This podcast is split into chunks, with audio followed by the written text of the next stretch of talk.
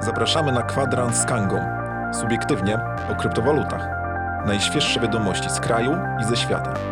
Kanga Exchange to zestaw narzędzi i usług ułatwiających obrót kryptoaktywami. Ten podcast pozwoli Ci dowiedzieć się, co aktualnie dzieje się na rynku. Witam bardzo serdecznie. Dziś jest wtorek, 20 października 2020 roku. Imieniny obchodzą Irena i Kleopatra.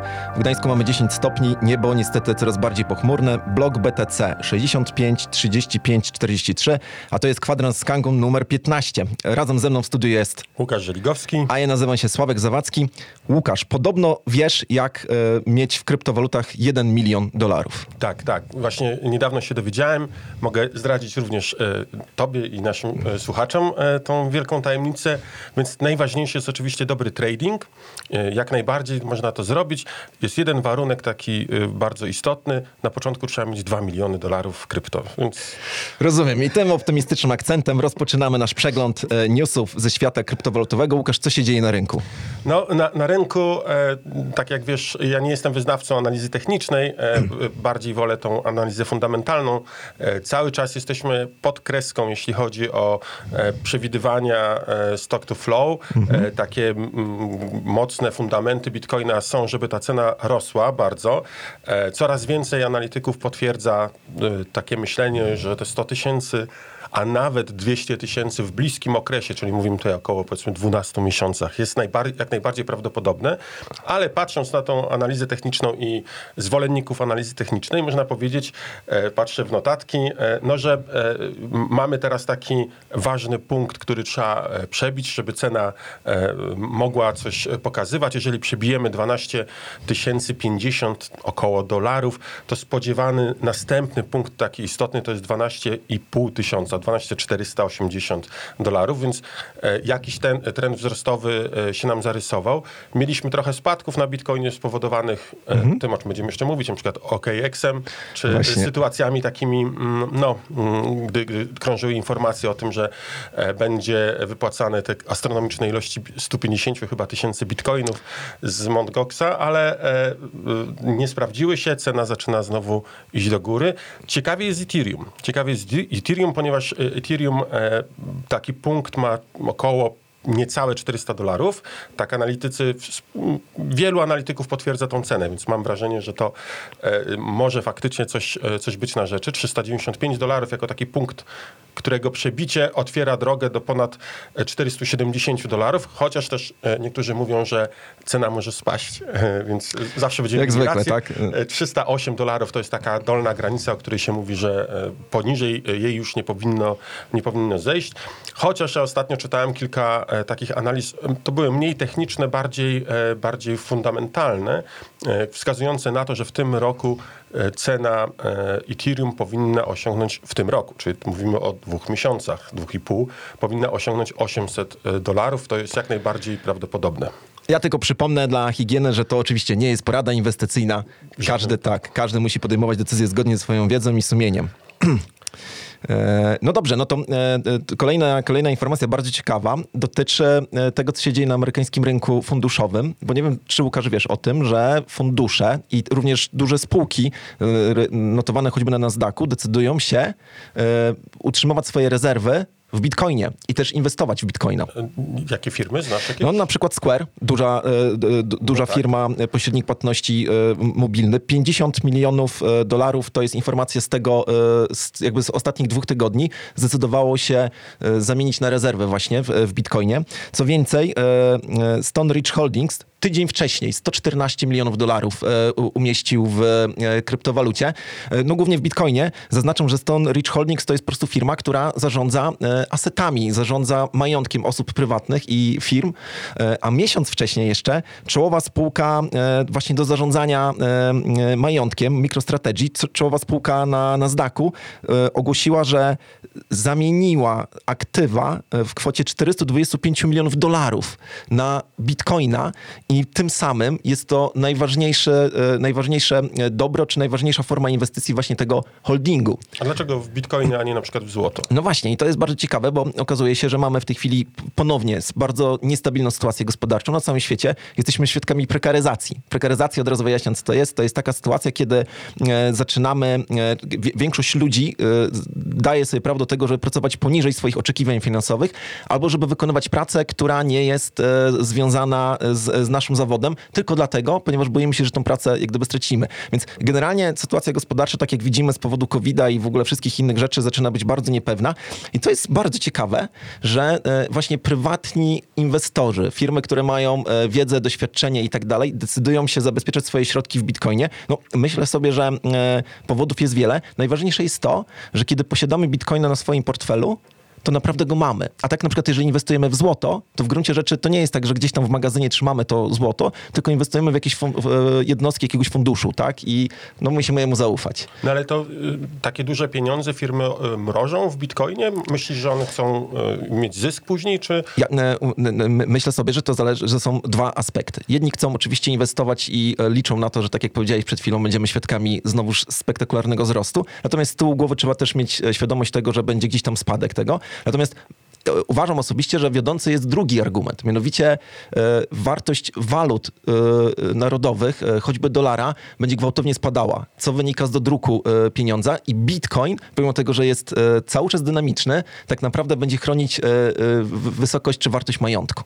Czyli widzimy dosyć dużą adopcję już No. bitcoina. Zaczyna się pojawiać w takich mainstreamach, tak? Już No no wiesz co, to, to tak jak z, chyba kiedyś o tym mówili, mówiliśmy, jak wybuduje się nowe osiedle, to nie projektuje się wszystkich dróg. Patrzy się po prostu, jak ludzie będą chodzili, jak będą wydeptywali ścieżki i później tam się e, tworzy czy buduje nowy chodnik. Widzimy, co robi największy biznes światowy, tak? On samemu decyduje się na inwestycje w kryptowaluty, czy na zabezpieczenie kryptowalut. No i, i oczywiście tutaj e, mamy drugą, drugi biegun, A, mówisz No o. KNF-ie. który- tak, i o wiadomościach, które wyciekły zupełnie chyba w sposób nie, e, niekontrolowany. Jakbyś mógł to skomentować. Tak, no, y, y, przypomnę tylko, że y, KNF wysłał do operatorów płatności, w sumie do banków, tak, e, informacje o tym, żeby e, nie współpracowały z e, firmami, które robią cokolwiek z krypto, czy na przykład nie chciałyby mieć e, konta otwartego przez fundusz inwestycyjny MicroStrategy, który Tak. chce tam mieć 400 milionów dolarów, albo y, Square, który jest takim operatorem płatności. Tak. Nie, to są niedobre firmy, nie wolno im kont otwierać. W związku z czym banki zaczęły pisać do operatorów płatności e, informacje o tym, żeby e, bardziej kontrolowały, co kogo obsługują.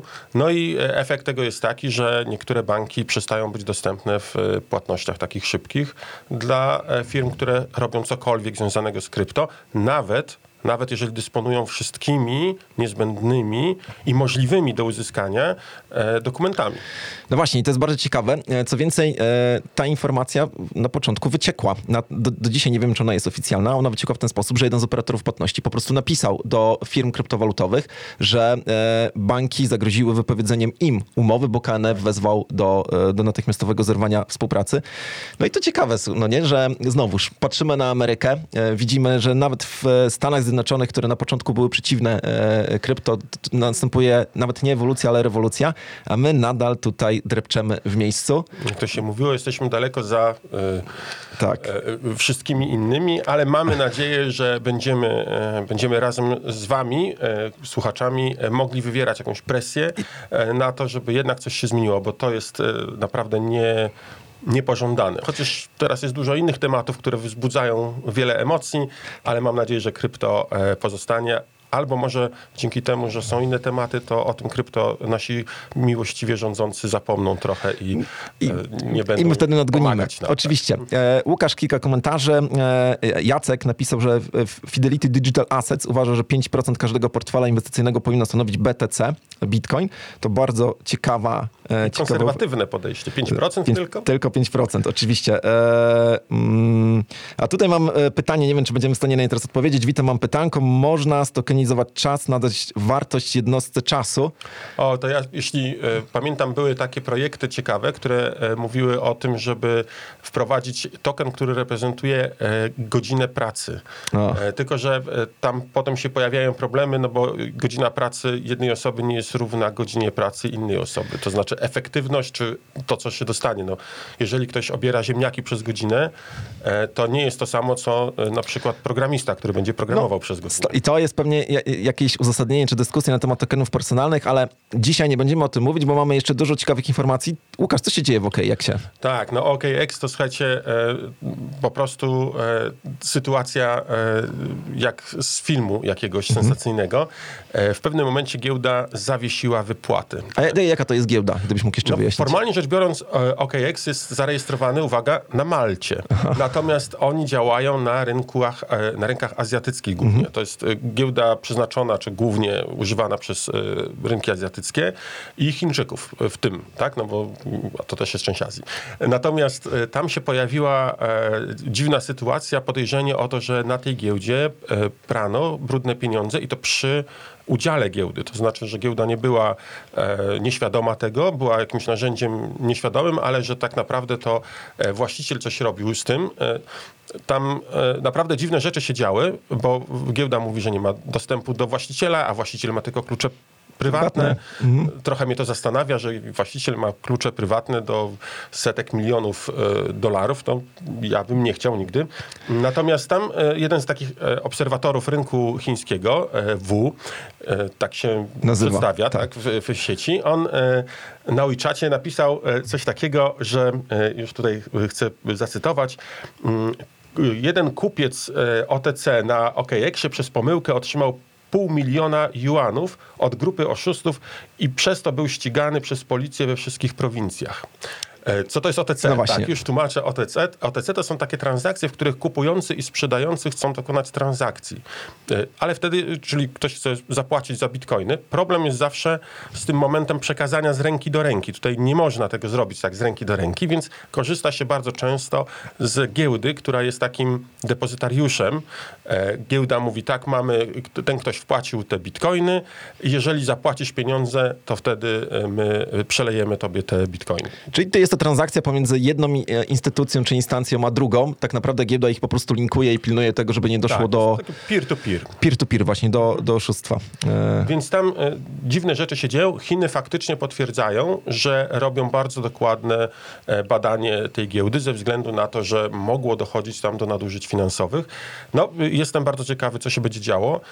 To jest temat zawsze taki no, interesujący, nie? jeżeli widzimy jakieś przestępstwa. Ja jestem przekonany, że e, te firmy czy, czy ci ludzie, którzy e, cokolwiek złego robili, e, niestety bardzo szybko wpadną, no bo jednak e, w blockchainie te wszystkie operacje są widoczne i naprawdę, jak zawsze o tym mówię i powtarzam, blockchain nie jest dla tych, którzy chcą coś ukryć. Ale okazuje się, że w Polsce nie każdy oszust e, jeszcze o tym wie, no bo e, no w tej chwili e, jakby jesteśmy świadomi, że oszustwo na wnuczka tak naprawdę nabrało nowego znaczenia, czy nowej formy.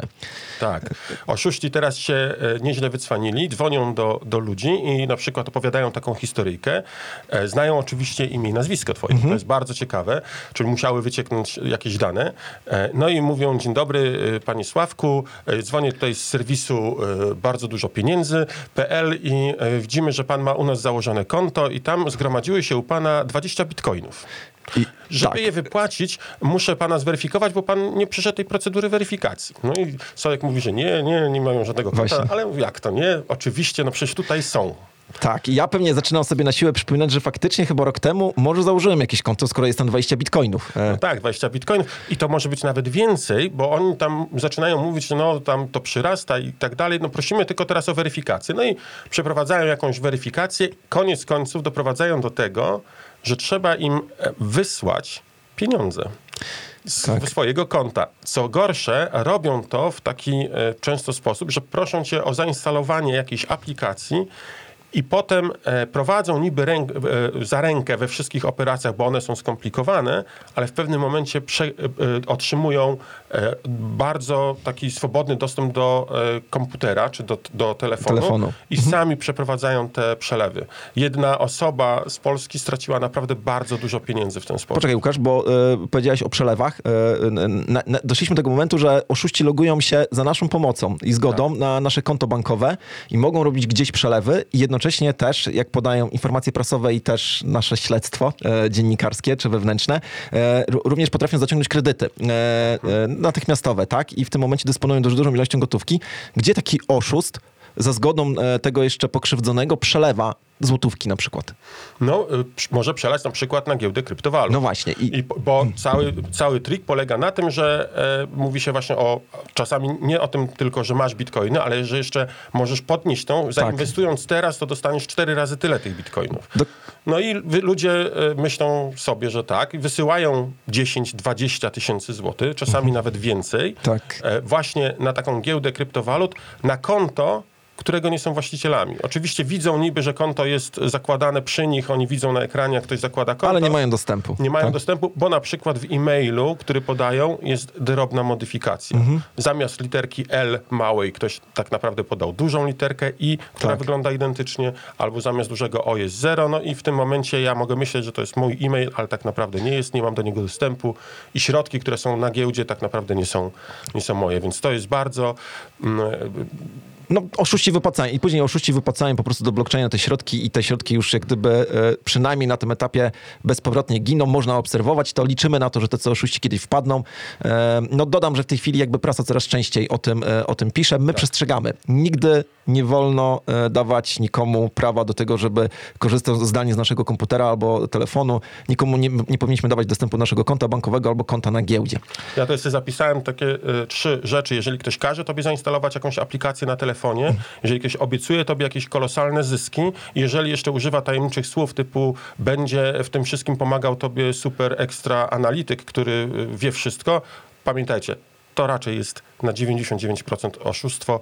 Nie dajcie się zwieść, a jeżeli chcecie, to dokładnie sprawdźcie wcześniej tą firmę czy tych ludzi, ustalcie skąd, jak mają dane i postarajcie się zweryfikować od drugiej strony. Dokładnie tak. Łukasz, bardzo Tobie e, dziękuję za to spotkanie i tą ciekawą dyskusję. A Was zapraszamy w czwartek na e, program z cyklu Tokenizacja Wszystkiego i oczywiście za tydzień na kolejny kwadrans z Kangą. Do zobaczenia.